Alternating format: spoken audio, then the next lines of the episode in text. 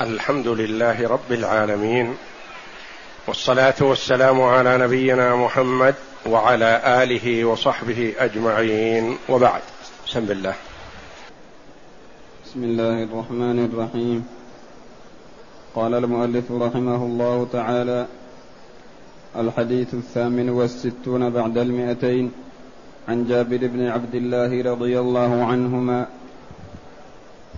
أنه كان يسير على جمل فأعيا فأراد أن يسيبه. قال فلحقني النبي صلى الله عليه وسلم فدعا لي وضربه فسار سيرا لم يسر مثله قط. فقال بعنيه بأوقية قلت لا ثم قال بعنيه فبعته بأوقية واستثنيت حملانه إلى أهلي. فلما بلغت أتيته بالجمل فنقدني ثمنه ثم رجعت فأرسل في أثري فقال أتراني ما كستك لآخذ جملك؟ خذ جملك ودراهمك فهو لك. هذا الحديث فيه فوائد عظيمة. اولا قول جابر رضي الله عنه أنه كان يسير على جمل فأعيا. كلمة أعيا يعني عجز. ولم يستطع الجمل السير مع الركب ولذا كان متأخرا. فأراد أن يسيبه يعني أن يتركه. ويتركه ينطلق كيفما شاء ما يريده. طاب خاطره وطابت نفسه به. يقول فلحقني النبي صلى الله عليه وسلم دل أن النبي صلى الله عليه وسلم ما كان يسير في مقدمة الجيش وإنما كان في آخرها ليلحق المنقطع. وليتفقد من معه عليه الصلاة والسلام. فرأى النبي صلى الله عليه وسلم جابرا ومعه هذا الجمل لا يسير ولا يلحقه بالقوم. فدعا له. تلطف صلى الله عليه وسلم ودعا لجابر وجمله. عليه الصلاة والسلام. ومد يده الشريفة على الجمل فضربه. ليأخذ بهذه الضربة قوة وقدرة بإذن الله. فسار سيرا لم يسر مثله قط. يعني سيرا حسنا وأصبح يلحق بالقوم. ثم إن النبي صلى الله عليه وسلم خاطب جابر ليذهب عنه السآمة والملل ويعرف أنه ضاق صدره بجمله حيث أخره في مؤخرة القوم. فقال عليه الصلاة والسلام بعنيه بأوقية. الأوقية من الدراهم من الفضة أربعين درهما. بعنيه بأوقية. قلت لا. دل على أن قول الصحابي للنبي صلى الله عليه وسلم لا لا يعتبر معصية لله ولا لرسوله صلى الله عليه وسلم. لأنه يعرف من قرائن الأحوال أن النبي يريد أن يشتري منه شراء فإن طاب له أن يبيع فلا بأس وإلا فيمتنع. ولا يلزم المرء ببيع ما في يده لا لكبير ولا لصغير. يلحق بهذا أن الوالد لو قال لولده بعني هذا الشيء فقال الولد لا ما ما أريد بيعه أن هذا لا يعتبر عقوق ولا معصية ولا مخالفة. لكن لو قال أعطني إياه والوالد في حاجة إليه والولد ليس بحاجة ماسة إليه أنه يجب عليه أن يعطيه يستجيب له. لأن قرائن الأحوال تميز ما يجب تجب الطاعة فيه وما لا تجب الطاعة فيه. الوالد يشتري من ولده إن شاء الولد باع وإن شاء امتنع. ومثله كذلك الوالدة. لو أرادت أن تشتري من ولدها شيئا ما فالولد حر ما يلزمه أن يبيع على أمه لأنها طلبت منه الشراء أن تشتري منه هذه الحاجة فإن شاء باع وإن شاء لا فلا يبيع. لكن طلبتها لنفسها وهي في حاجة إليها والولد في غنى عنه يطيع. قلت لا قال بعنيه كرر عليه الصلاة والسلام مرة ثانية. وما زاد في الثمن. دل على أنه يجوز للمشتري أن يلح على البائع في طلب الموافقة على البيع وإن لم يزد في الثمن. لما قال بأوقية قال لا قال بعنيه. بأوقية يعني ما زاد عليه. فجابر رضي الله عنه لما رأى إلحاح النبي صلى الله عليه وسلم وإعادة الكرة بطلب البيع قال نعم باعه واشترط. دل على أن من باع شيئا وله في اشتراطه مصلحة أنه يشترط سواء باع على أبيه أو باع على أمه أو باع على الحاكم أو باع على ولي الأمر ايا كان من حقه أن يشترط ما دام المسألة بيع وشراء. فاشترط جابر على النبي صلى الله عليه وسلم حملان البعير إلى أهله. يقول أبيعك ثم أمشي على قدمي. اشترط أن أركب البعير هذا ما دام تحسنت حاله ومشى حتى أصل إلى أهلي.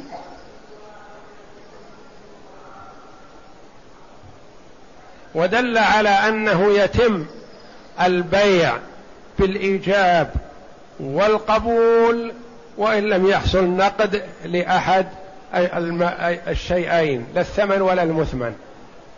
الرسول قال بعنيه فقال نعم فتم البيع. وما دفع الرسول صلى الله عليه وسلم الثمن ولا سلم جابر البعير. كل معه حقه والبيع تم. فلما وصل جابر إلى المدينة وصل إلى أهله ذهب بالجمل إلى النبي صلى الله عليه وسلم ليسلمه إياه لأنه قد باعه عليه. وتم ما بينه وبين النبي صلى الله عليه وسلم وهو إيصال الجمل إلى المدينة. فسلمه الجبل ثم إن الرسول صلى الله عليه وسلم لما سلمه الجمل سلمه الثمن. أوقية. والوقية أربعون درهما. والأربعون الدرهم هي في حدود لأنها خمس ما تجب فيه الزكاة خمس ستة وخمسين ريال. يعني في حدود أحد عشر ريال وشيء بسيط. الريال السعودي الفضة. فقيمة الجمل بسيطة ولهذا أراد جابر أن يسيبه يرسله يتركه يحمل متاعه على ظهره ويترك الجمل لأنه أخره عن القوم.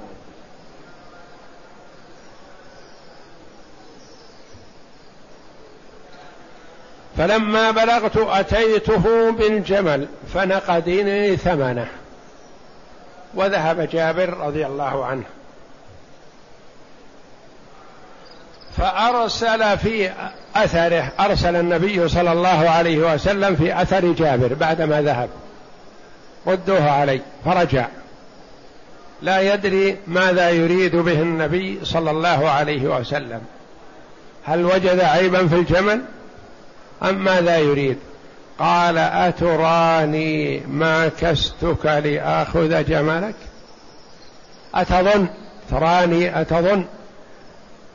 أني ماكستك والمماكسة الأخذ والرد في البيع والشراء. وجذب الحديث من أجل المشتري من أجل تخفيض الثمن والبايع من أجل زيادة الثمن. المماكسة الأخذ والعطاء والإلحاح. أتراني لزمت عليك وألححت عليك في البيع من أجل أن آخذ جملك منك.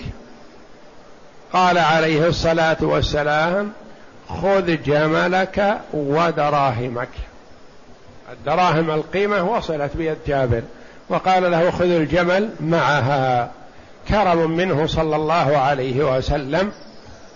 وإشعار لجابر بأنه حينما اشترى منه وألح عليه بالشراء ولزم عليه أنه ما قصد المكسب من وراءه أو قصد أن يخسر جابر الجمل وإنما أراد أن يدخل السرور والأنس والقوة على جابر رضي الله عنه.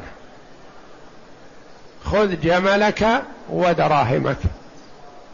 فذهب بها جابر رضي الله عنه والعطية من أفضل الخلق مقبولة لأنها لا منة فيها. من هذا الحديث أخذ العلماء الاشتراط عند البيع والشراء. فمن العلماء من قال البيع إذا وجد فيه شرط أبطله. بطل البيع وبطل الشرط. ومن العلماء من قال البيع إذا وجد فيه شرط واحد فهو صحيح. وإذا كان أكثر من شرط فهو غير صحيح. ومن العلماء من قال كل شرط للبائع فيه مصلحة أو للمشتري فيه مصلحة ولو تعددت ولم تكن مما ينافي مقتضى العقد كثرت الشروط أو قلت فالبيع صحيح والشرط صحيح. ثلاثة أقوال للعلماء رحمهم الله في موضوع الشرط في البيع. الأئمة الثلاثة على أن الشرط في البيع مبطل له. واستثنى الإمام مالك رحمه الله ما ورد في مثل قصة جابر. إذا اشترط البائع حملان المبيع صح. الإمام أحمد رحمه الله يقول إذا تم البيع بشرط واحد فإنه صحيح. شرطان لا. هذه الرواية الأولى. رواية ثانية عن الإمام أحمد أن الشرط أو الشروط وإن تعددت ما دامت أنها لا تنافي مقتضى العقد فهي صحيحة ولو كثرت. وهذه الرواية اختارها شيخ الإسلام ابن تيمية رحمه الله وجمع من العلماء. اقرأ. الغريب فأعيا أعيا الرجل أو البعير إذا تعب وكل من المشي. يستعمل لازما ومتعديا. تقول أعيا الرجل وأعياه الله. أعيا الجمل هذا وأعيا الرجل لازم. يعني يرفع فاعل فقط. ومتعدي المتعدي هو الذي ينصب مفعول ويرفع الفاعل. يأتي متعدي تقول أعياه الله أو أعجزه الله أو زيد أعجز عمرو أو أعيا عمرو فعمرو مفعول. نعم. ثانيا أن يسيبه أي أن يطلقه ليذهب على وجهه. يعني يتركه يسيبه. نعم. حملانه بضم الحاء وسكون الميم أي حمله البائع.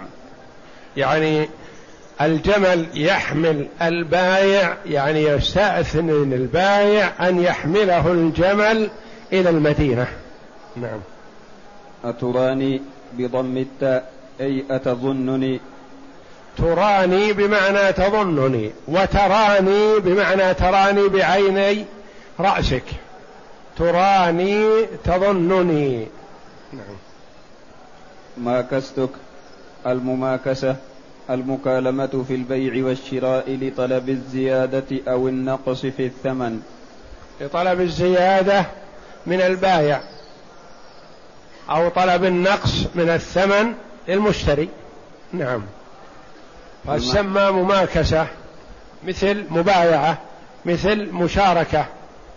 يعني كلام بين اثنين. كلمة مماكسة من أفعال المشاركة. فيه أفعال تسمى أفعال المشاركة. يعني ما تحصل من واحد فقط. مخاصمة. ما تكون من اثنين من واحد فقط بل من فريق من اثنين فأكثر. مجادلة مضاربة مقاتلة. وهكذا مخاصمة مماكسة يعني اثنان فأكثر. نعم.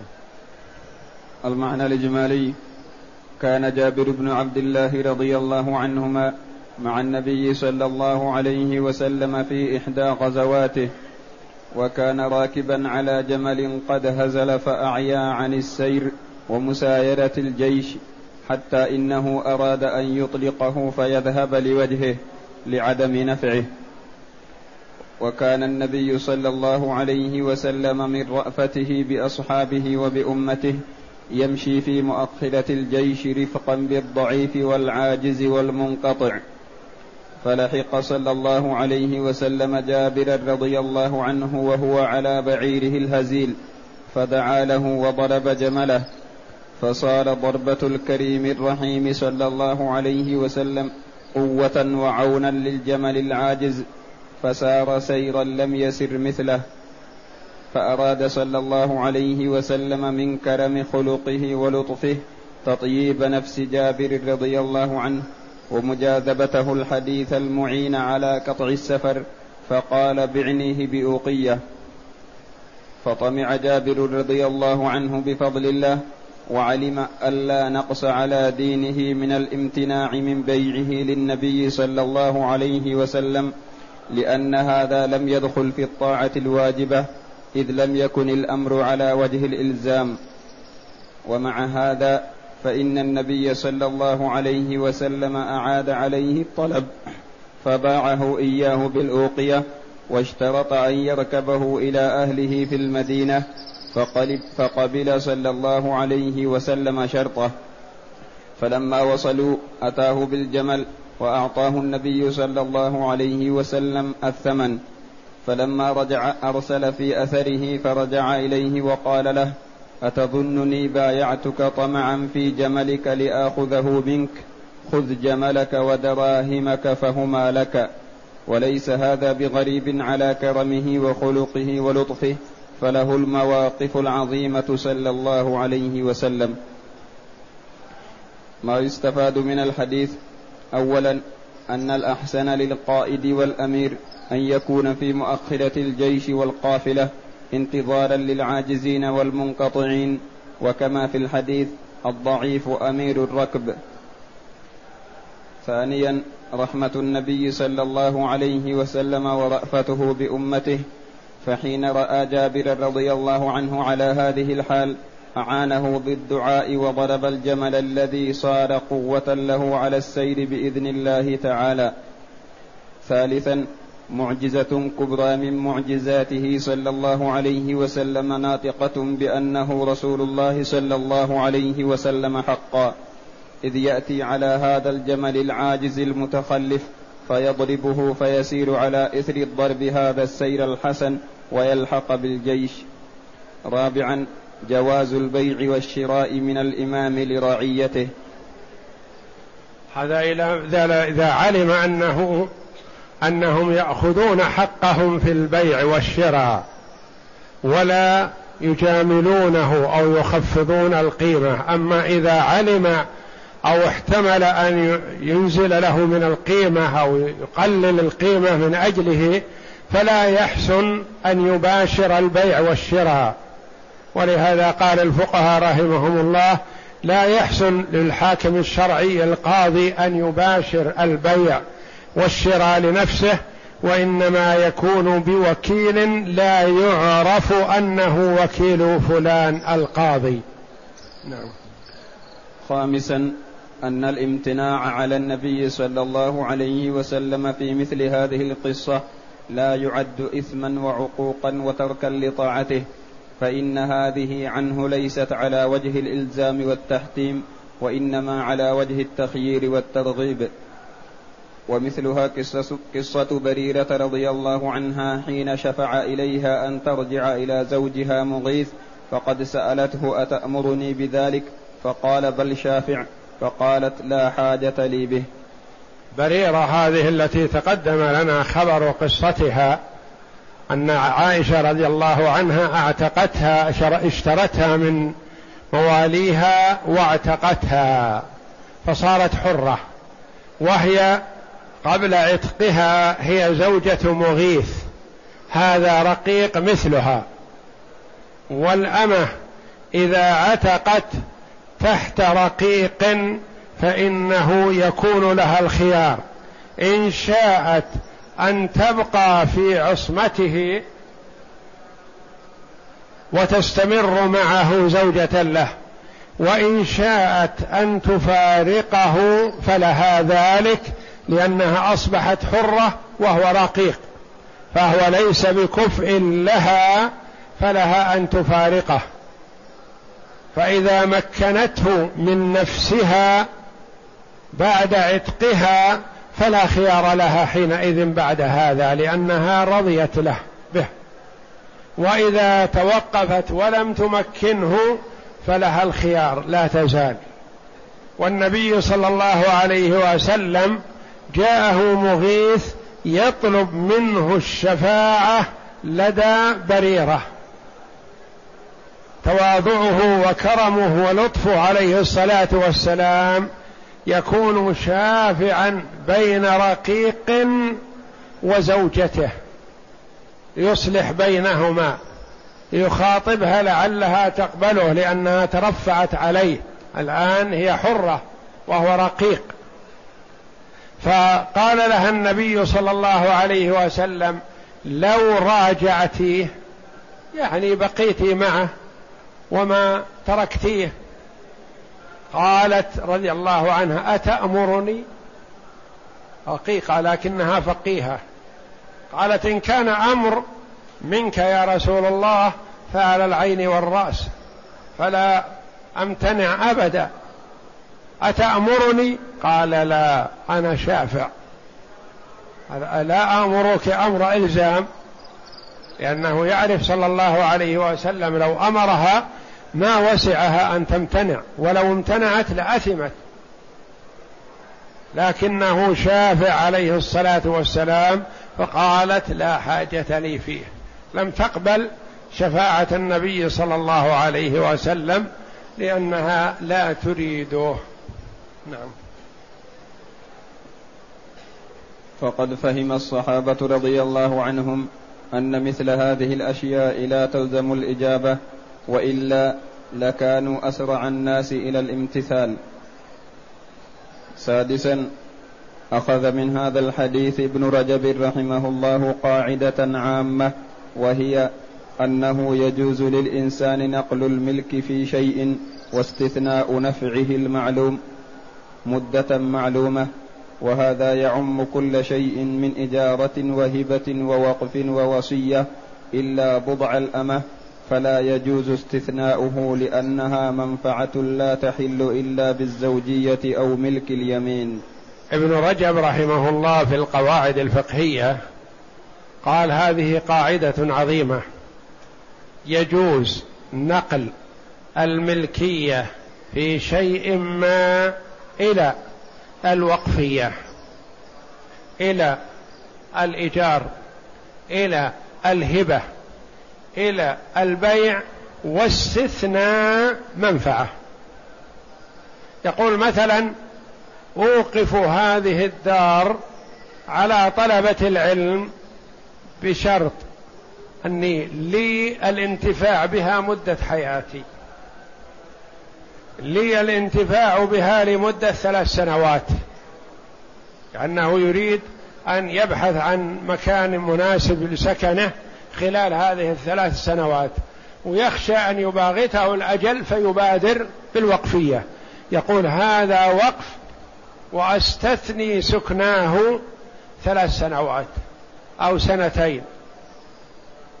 أو هذا هبة لفلان لكن أستثني كذا. أستثني هذه الغرفة أنتفع بها لمدة خمسة أشهر. مثلا وهكذا. وقف أو هبة أو أجار. قال أؤجرك هذه الدار وأستثني سطحها. أستثني الغرفة التي في السطح مثلا أنتفع بها. يجوز. قال أبيعك هذه الدار وأستثني كذا. أستثني سكناها سنة. أبيعك هذا الجمل واستثني انتفاعي به لمدة ثلاثة أشهر أو لأجل أن يوصلني إلى كذا وهكذا. نافع بشرط أن يكون معلوم بين. لا مجال للخلاف فيه. نعم. إلا بضع الأمة فلا يجوز استثناؤه. لا يقول مثلا أبيعك هذه الأمة بشرط أن لي الاستمتاع بها ما دمت حيا. نقول لا الاستمتاع بالأمة ما يصح إلا بأحد شيئين إما زواج أو ملك يمين. وكلها ذهبت ما تزوجتها وليست ملك يمين لك وإنما هي ملك لغيرك. فالمنافع يصح استثناؤها إلا البضع وما هو من شأنه كالاستمتاع فهذا لا يصح استثناؤه أما إذا اعتقها وجعل عتقها صداقها بنية أنها زوجة له فهذا يصح فعله النبي صلى الله عليه وسلم مع صفية رضي الله عنها. سابعا جواز البيع واستثناء نفع المبيع إذا كان النفع المستثنى معلوما. وهذه المسألة جزء من القاعدة السابقة وفي هذا خلاف يأتي تحقيقه إن شاء الله تعالى. اختلاف العلماء اختلف العلماء هل يجوز للبائع أن يشترط نفعا معلوما في المبيع؟ كسكن الدار المبيعة شهرا وهل يجوز أيضا للمشتري أن يشترط على البائع نفعه المعلوم في المبيع كأن يشترط عليه حمل ما اشتراه منه إلى موضع معين أو خياطة الثوب المبيع ونحو ذلك؟ يعني سواء كان الشرط من قبل البايع قال مثلا أبيعك هذه الدار وأستثني سكناها سنة أو أبيعك هذا الجمل وأستثني حمله إياي إلى كذا لمدة أو لمدة كذا شهر. أو الشرط من جهة المشتري. قال أشتري منك هذا القماش وأشترط عليك أن تخيطه. أشتري منك هذا الحطب وأشتري منك أن تكسره. أشتري منك هذه الأمتعة من الطعام مثلا وأشترط عليك أن تحمله بسيارتك إلى بيتي. وهكذا سواء كان الشرط من البائع أو الشرط من المشتري. نعم. فذهب الأئمة الثلاثة أبو حنيفة ومالك والشافعي رحمهم الله إلى عدم صحة العقد والشرط. إلا أن مالكا رحمه الله أجاز شرط الحمل على الدابة إلى المكان القريب. الأئمة الثلاثة أبو حنيفة ومالك والشافعي قالوا ما يصح الشرط مع البيع. البيع وحده إذا شرط فيه شرط أفضله. مالك رحمه الله قال إلا شرط واحد وهو إذا باع الدابة واشترط حملها. أخذا من هذا الحديث رحمه الله. نعم. وذهب الإمام أحمد رحمه الله إلى جواز شرط واحد فقط ووافقه. كما تقدم لنا في الفقه شرط واحد صحيح. شرط والأوزاعي رحمهم الله وإن جمع في العقدين شرطين. لا فإن جمع في العقد بين هذه أين؟ بين بين شرطين. فإن جمع في العقد بين شرطين بطل البيع. وإن جمع في العقد بين شرطين بطل البيع. قال كذا وكذا أو شرط من قبل البائع وشرط من قبل المشتري. الرواية المشهورة عن الإمام أحمد والمذهب أنه لا يصح إلا شرط واحد شرطان لا يصح. نعم. وعن الإمام أحمد رواية أخرى أن البيع صحيح مع الشروط العائدة للبائع من منافع معلومة في المبيع أو عائدة للمشتري من منافع معلومة في المبيع من البائع. يعني شروط من البائع على المشتري أو شروط من المشتري على البائع. ولو تكاثرت ما دامت لا تنافي مقتضى البيع فهي صحيحة. نعم. واختار هذه الرواية شيخ الإسلام والمسلمين أبو العباس ابن تيمية رحمه الله وتلميذه شمس الدين بن القيم رحمه الله. ونصرها وأيدها شيخنا العلامة المحقق عبد الرحمن بن ناصر آل سعدي رحمهم الله جميعا والمسلمين. قال وهذا ما أعتقد صحته كما يأتي تبيين أدلة العلماء رحمهم الله ومآخذهم. أدلة المذاهب السابقة. استدل الأئمة الثلاثة رحمهم الله على ما ذهبوا إليه بما رواه الخمسة عن جابر رضي الله عنه أن النبي صلى الله عليه وسلم نهى عن الثنيا إلا أن يعلم. نهى عن الثنيا إلا أن تعلم. وهذا ليس بدليل صريح لهم لأن الرسول نهى لو قال نهى عن الثنيا وسكت نعم صح أن يستدلوا به لكن قال نهى عن الثنيا إلا أن تعلم وهذه ثنيا معلومة. مثلا قال أبيعك هذه الدار وأنا ساكن فيها أستثني سكناها ستة أشهر حتى أبحث لي عن سكن. هذا معلوم ستة أشهر معلومة. أبيعك هذه السيارة لكن لا أسلمك إياها إلا في الرياض. أستثني حملها إياي إلى الرياض مثلا. وهكذا فالشيء المعلوم جائز. نعم. وبما رواه الترمذي وصححه والنسائي وابن ماجه عن عمرو بن شعيب عن أبيه عن جده أن النبي صلى الله عليه وسلم قال لا يحل شرطان في بيع.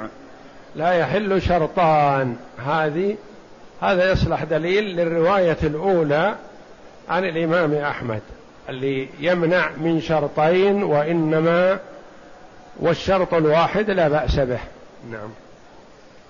وقد روى أبو حنيفة أن النبي صلى الله عليه وسلم نهى عن بيع وشرط. نعم هذا شاهد لهم. نعم. وفسروا الشرطين في البيع والشرط فيه بمثل هذه الشروط. التي يشترطها البائع أو المشتري على الآخر. يعني الأئمة حينما فسروا الشروط بهذه التي يشترطها البائع أو يشترطها المشتري والواقع ليس كذلك. نعم. مما فيه مصلحة المبيع أو منفعة البائع كاشتراط خياطة الثوب أو تفصيله أو تكسير المشتري الحطب أو حمله أو استثناء نفع معلوم في المبيع للبائع كسكن الدار المبيعة أو حمل الدابة ونحو ذلك. وأجابوا عن حديث جابر الذي ما ماذا يقولون في حديث جابر؟ حديث جابر صريح فيه شرط. جابر اشترط على النبي صلى الله عليه وسلم والنبي لا يقر جابر على شرط فاسد. نعم. ماذا يقولون؟ اسمع. بأن المبايعة ليست حقيقة حقيقية. وإنما أراد صلى الله عليه وسلم أن ينفع جابرا بالهبة فاتخذ بيع الجمل ذريعة إلى ذلك. ودليل ذلك قوله أتراني ما كستك لآخذ جملك. لكن هذا ما هو بصريح ولهم دليل لهم. لأن من يقول إن البيع صوري؟ جابر باع بيع صريح. واشترى واشترط شرطا صريح ولا يعلم ما في خاطر النبي صلى الله عليه وسلم أنه سيرد عليه الجمل.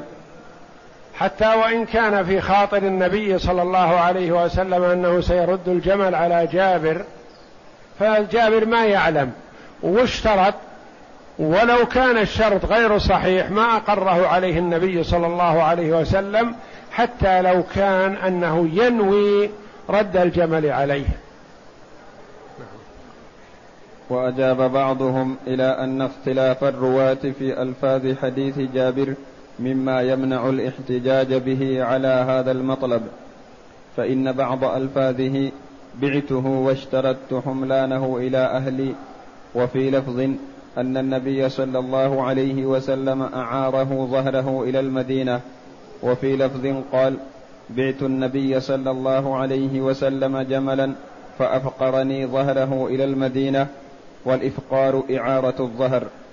هذه من إجاباتهم عنه أنه فيه روايات. هذا وتعدد رواياته تمنع من الاستدلال بما استدل به من جواز البيع والشرط. نعم. أما أدلة الذين يرون جواز اشتراط البائع المنافع المعلومة في البيع أو اشتراط المشتري على البائع المنافع العائدة على المبيع فكثيرة. منها قوله عليه الصلاة والسلام المسلمون عند شروطهم إلا شرطا أحل حراما أو حرم حلالا. إذا كان هذا الشرط مثلا ينتج منه تحريم الحلال أو تحريم أو تحليل الحرام فلا يعتبر ولا يجوز. وما دام أنه ليس فيه تحليل لمحرم ولا تحريم لحلال وليس فيه حيلة ولا خديعة ولا قمار ولا غش ولا جهالة ولا غرر فالأصل جوازه. نعم. وهذه ليست مما يحل حلالا مما يحل حراما ولا يحرم حلالا. ومنها أنه صلى الله عليه وسلم نهى عن الثنيا إلا أن يعلم. وهذه شروط واستثناءات معلومة فتكون غير داخلة في النهي. ومنها حديث جابر رضي الله عنه الذي معنا إذ شرط على النبي صلى الله عليه وسلم ظهر جمله إلى المدينة وليس في هذه الشروط شيء من المحاذير كالربا والغرر والضرر والظلم فكيف تكون محرمة؟ والأصل في المعاملات الإباحة والسعة. وكما أنه لا مفسدة فيها فليست أيضا وسيلة إلى المفسدة. واجابوا عن أدلة المفسدين للعقد مع الشرط بأن حديث نهى النبي صلى الله عليه وسلم عن الثنيا إلا أن يعلم مفهومه دليل من أدلتنا فهو رد عليكم. مفهوم يعني لفظه أنه نهى عن الثنيا إلا أن تعلم. ومفهومه أنها إذا علمت الثنيا فيصح. هذا مفهوم الحديث لأن له لفظ وله له منطوق وله مفهوم. منطوقه النهي عن الثنيا إلا إن علمت ومفهومه جواز الثنيا إذا علمت. نعم. وأما حديث نهى عن بيع وشرط فلم يصح وإنما الوارد لا يحل شرطان في بيع. نعم. اختلاف العلماء واختلف العلماء في تفسير الشرطين وأحسن ما فسر به أن المراد بذلك مسألة العينة وهي أن يقول خذ هذه السلعة بعشرة نقدا وآخذها منك بعشرين نسيئة هذا تفسير للشرطين في بيع يعني بيع. وشرط وشرط آخر. بيع واشترط عليه يبيعه نقد واشترط عليه أن يأخذه نسيئة وهكذا. يعني مثل خذ هذه السلعة بعشرة نقدا اشترط عليه النقد بالعشرة. وآخذها منك بعشرين نسيئة وهذه مسألة العينة. وهذه هي التي أنكرتها عائشة رضي الله عنها على أم ولد زيد بن أرقم حينما باعت المرأة زوجها الغلام بثمن مؤجل واشترته منه بثمن حال. فقالت عائشة أخبري زيد أنه قد أبطل جهاده مع النبي صلى الله عليه وسلم إن لم يتب. يعني هذه مسألة العينة المحرمة. فشرطان في بيع فسرها العلماء بما ورد تحريمه الذي هو مسألة العينة أو شبهها. نعم. فهذا هو المعنى المطابق لمعنى الحديث وهو نظير البيعتين في بيعة. مثل البيعتين في بيعة هذا بيعتان في بيعة واحدة يعني. نعم. الذي قال فيه صلى الله عليه وسلم من باع بيعتين في بيعة فله أوكسهما أو الربا.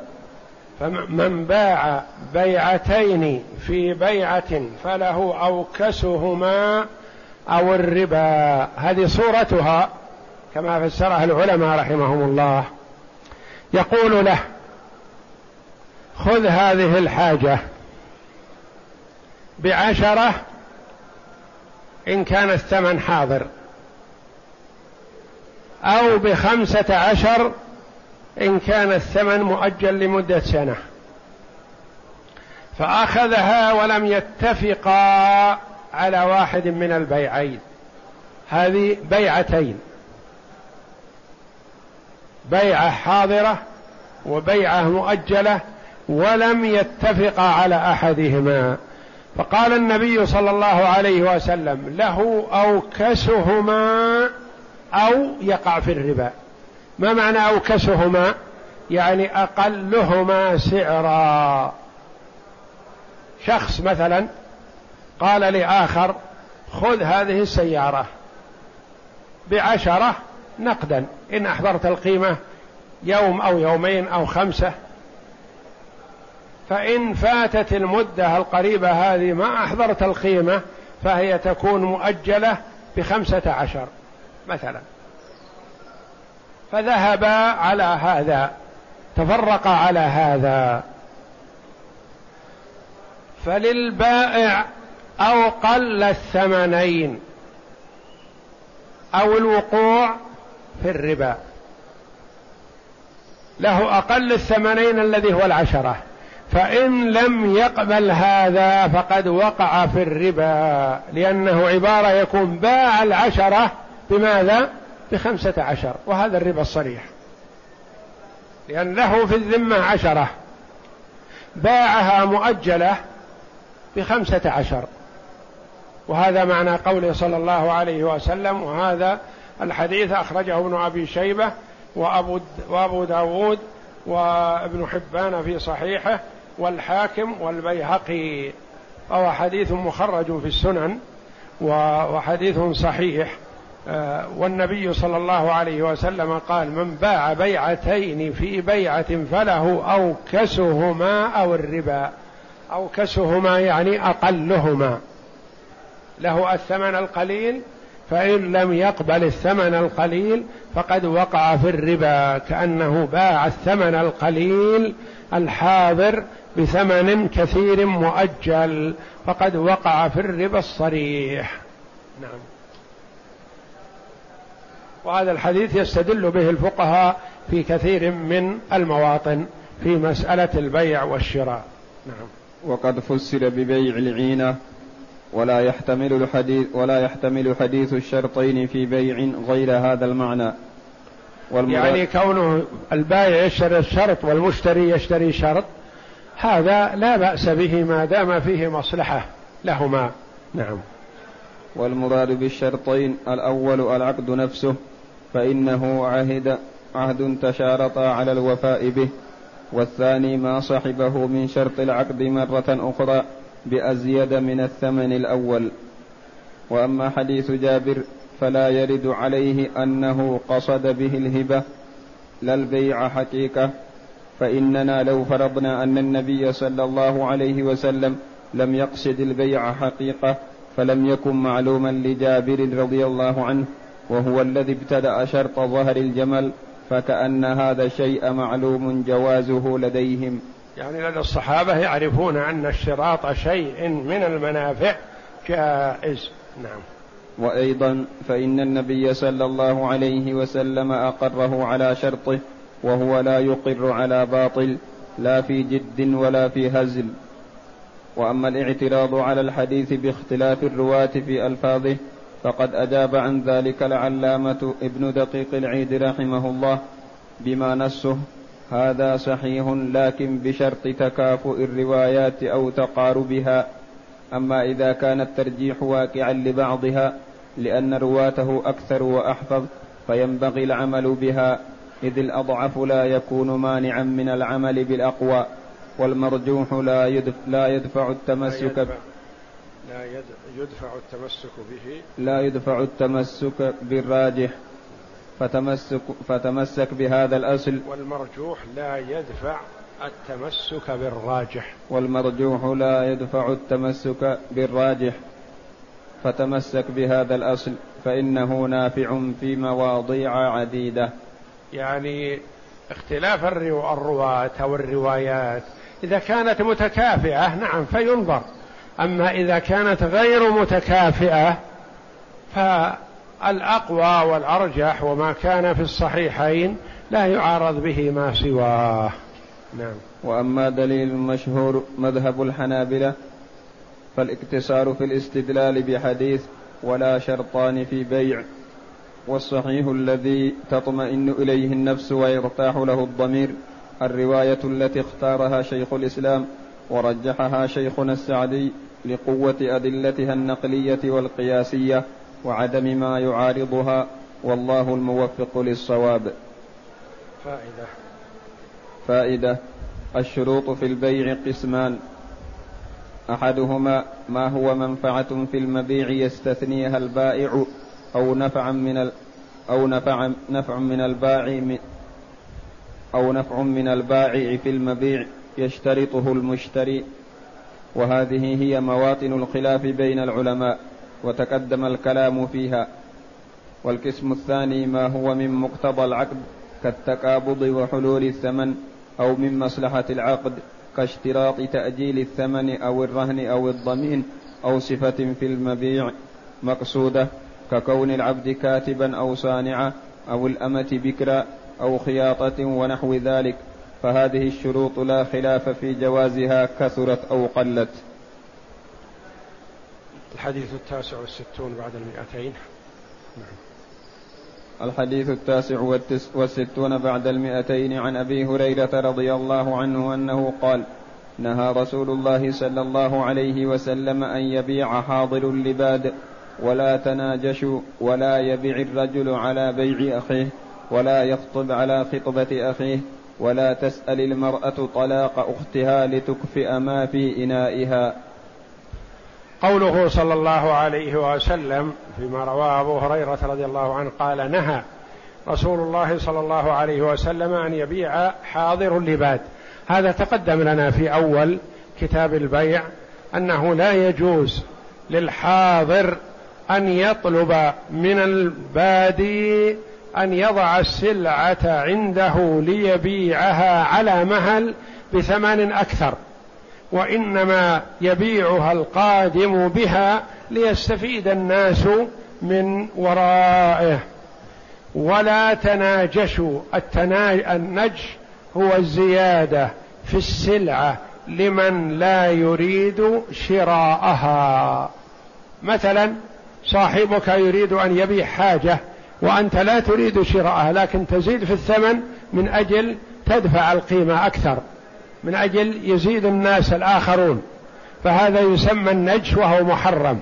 فيحرم على المرء أن يزيد في السلعة وهو لا يريد شراءها وإنما يريد الإضرار بالمشتري أو يريد النفع للبائع. ولا يجوز على حساب الآخرين.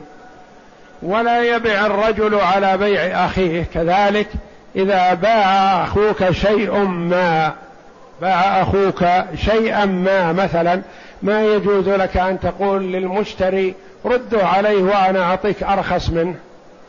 ومثله الشراء على شرائه مثلا تقول للبايع الذي باع سلعة بعشرة تقول خذها ردها عليك وأنا أشتريها منك بأحد عشر. هذا شراء على الشراء. كلاهما لا يجوز لأنه يوقع الكراهية والشحنة والبغضاء بين المسلمين. وفيه ما ليس في ما سبق قوله ولا يخطب على خطبة أخيه.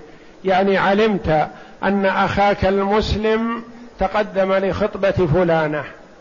ما يجوز أن تتقدم أنت حتى تعلم أنه رد. ولا تقول أنا أتقدم واتركهم بالخيار. أنا أفضل منه لهم. لا يا أخي انتظر. إن قبلوه فيحرم عليك. حينئذ التقدم. وإن لم يقبلوه ونفهوا عليه فلك أن تتقدم. وإن كان في مدة التشاور فلا يجوز لك أن تتقدم لأنه ربما أجابوه. ولا تسأل المرأة طلاق أختها. وفي رواية ضرتها يعني جارتها يعني لا يجوز للمرأة أن تقول لزوجها طلق فلانة ضرتها وأنا أقوم بما ستقوم به مثلا. أو تكره عليه زوجته تتكلم فيها بغيبتها حتى أن زوجها يطلقها. يحرم عليها ذلك لأن كل واحدة رزقها على الله لتكفأ ما في إنائها. نعم. ما يستفاد من الحديث؟ الكلام على بيع الحاضر للباد والنجش وبيع الرجل على بيع أخيه تقدم مفصلا. في الحديثين رقم 252 و 253 بما أغنى عن إعادتها ها هنا. وفيه من الفوائد الزوائد ما يأتي. أولا تحريم خطبة النكاح على خطبة أخيه حتى يعلم أن الخاطب رد عن طلبه ولم يجب. لما تسبب الخطبة على خطبة الغير من العداوة والبغضاء والتعرض لقطع الرزق. ثانيا تحريم سؤال المرأة زوجها أن يطلق ضرتها أو أو توغير صدوره عليه صدره عليها أو الفتنة بينهما ليحصل بينهما الشر فيفارقها فهذا حرام لما يحتوي عليه من المفاسد الكبيرة من توريث العداوة وجلب الإحن وقطع رزق المطلقة التي كني عنه بكفء ما في إنائها من الخير الذي سببه النكاح وما يوجبه من نفقة وكسوة وغيرها من الحقوق الزوجية فهذه أحكام جليلة وآداب سامية لتنظيم حال المجتمع وإبعاده عما يسبب الشر والعداوة والبغضاء ليحل محل ذلك المحبة والمودة والوئام والسلام. والله أعلم وصلى الله وسلم وبارك على عبده ورسول نبينا محمد وعلى آله وصحبه أجمعين.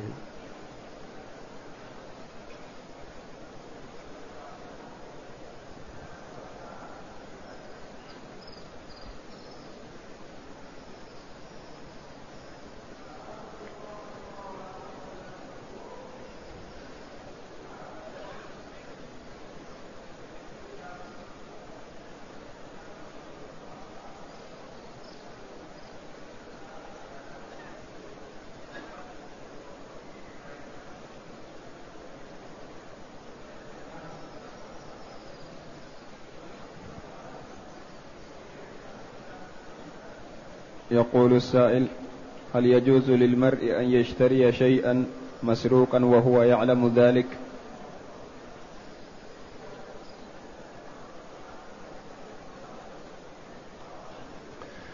هل يجوز للمرء أن يشتري شيئا مسروقا وهو يعلم أنه مسروق؟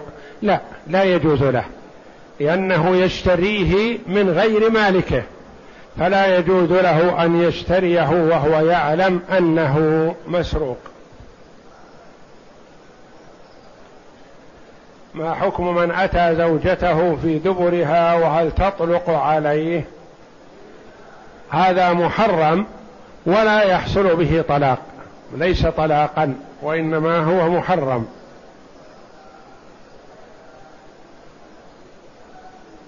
هل هناك مبطلات لعقد النكاح غير الكفر مثل شرب الخمر والزنا أو أي معصية؟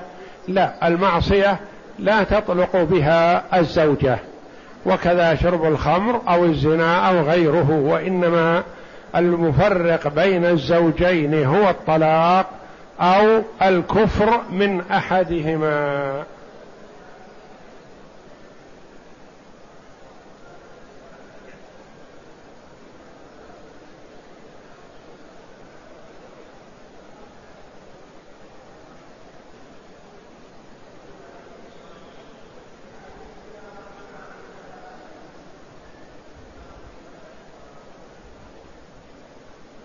يقول تزوجت امرأة أيما برضاها عن طريق القاضي في بلادنا ولكن لم يكن ولي أمرها وقت الزواج قد علم وقد علم بعد الزواج ورضي بذلك. هل نكاحي هذا يكون صحيحا؟ الصحيح أن هذا النكاح فاسد ويجب تصحيحه. لقوله صلى الله عليه وسلم لا نكاح إلا بولي. واي امرأة أنكحت نفسها فنكاحها باطل باطل باطل. فإن اشتجروا يعني الأولياء تنازعوا فالسلطان ولي من لا ولي له. والفاسد غير الباطل. الباطل هو ما أجمع على تحريمه والفاسد ما فيه خلاف.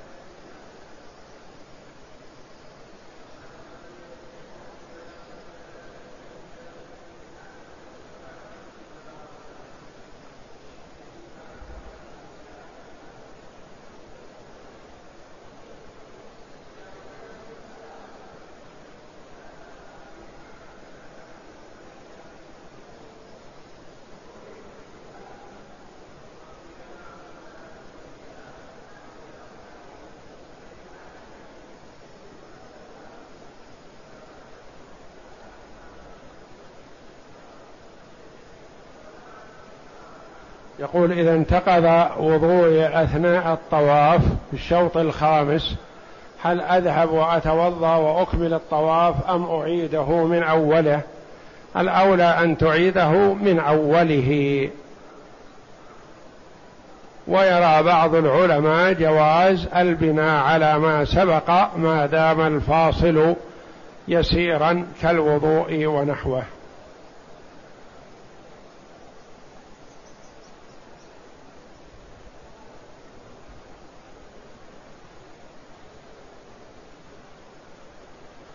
هل يجوز أن أستمر في صلاة المغرب حتى أذان العشاء؟ وهل يجوز أن أستمر في صلاة الفجر إلى ما بعد طلوع الشمس؟ يجوز هذا إذا كان من وراءك موافقون على هذا. أما أن تطيل عليهم هذه الإطالة بدون رضاهم فلا يجوز. فقد ورد أن عمر أن أبا بكر الصديق رضي الله عنه صلى بالناس الفجر واستمر وأطال.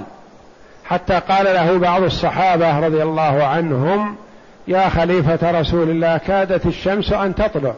قال لو طلعت ما وجدتنا من الغافلين. يعني ثم ماذا؟ إذا طلعت ما دمنا دخلنا بالصلاة في وقتها.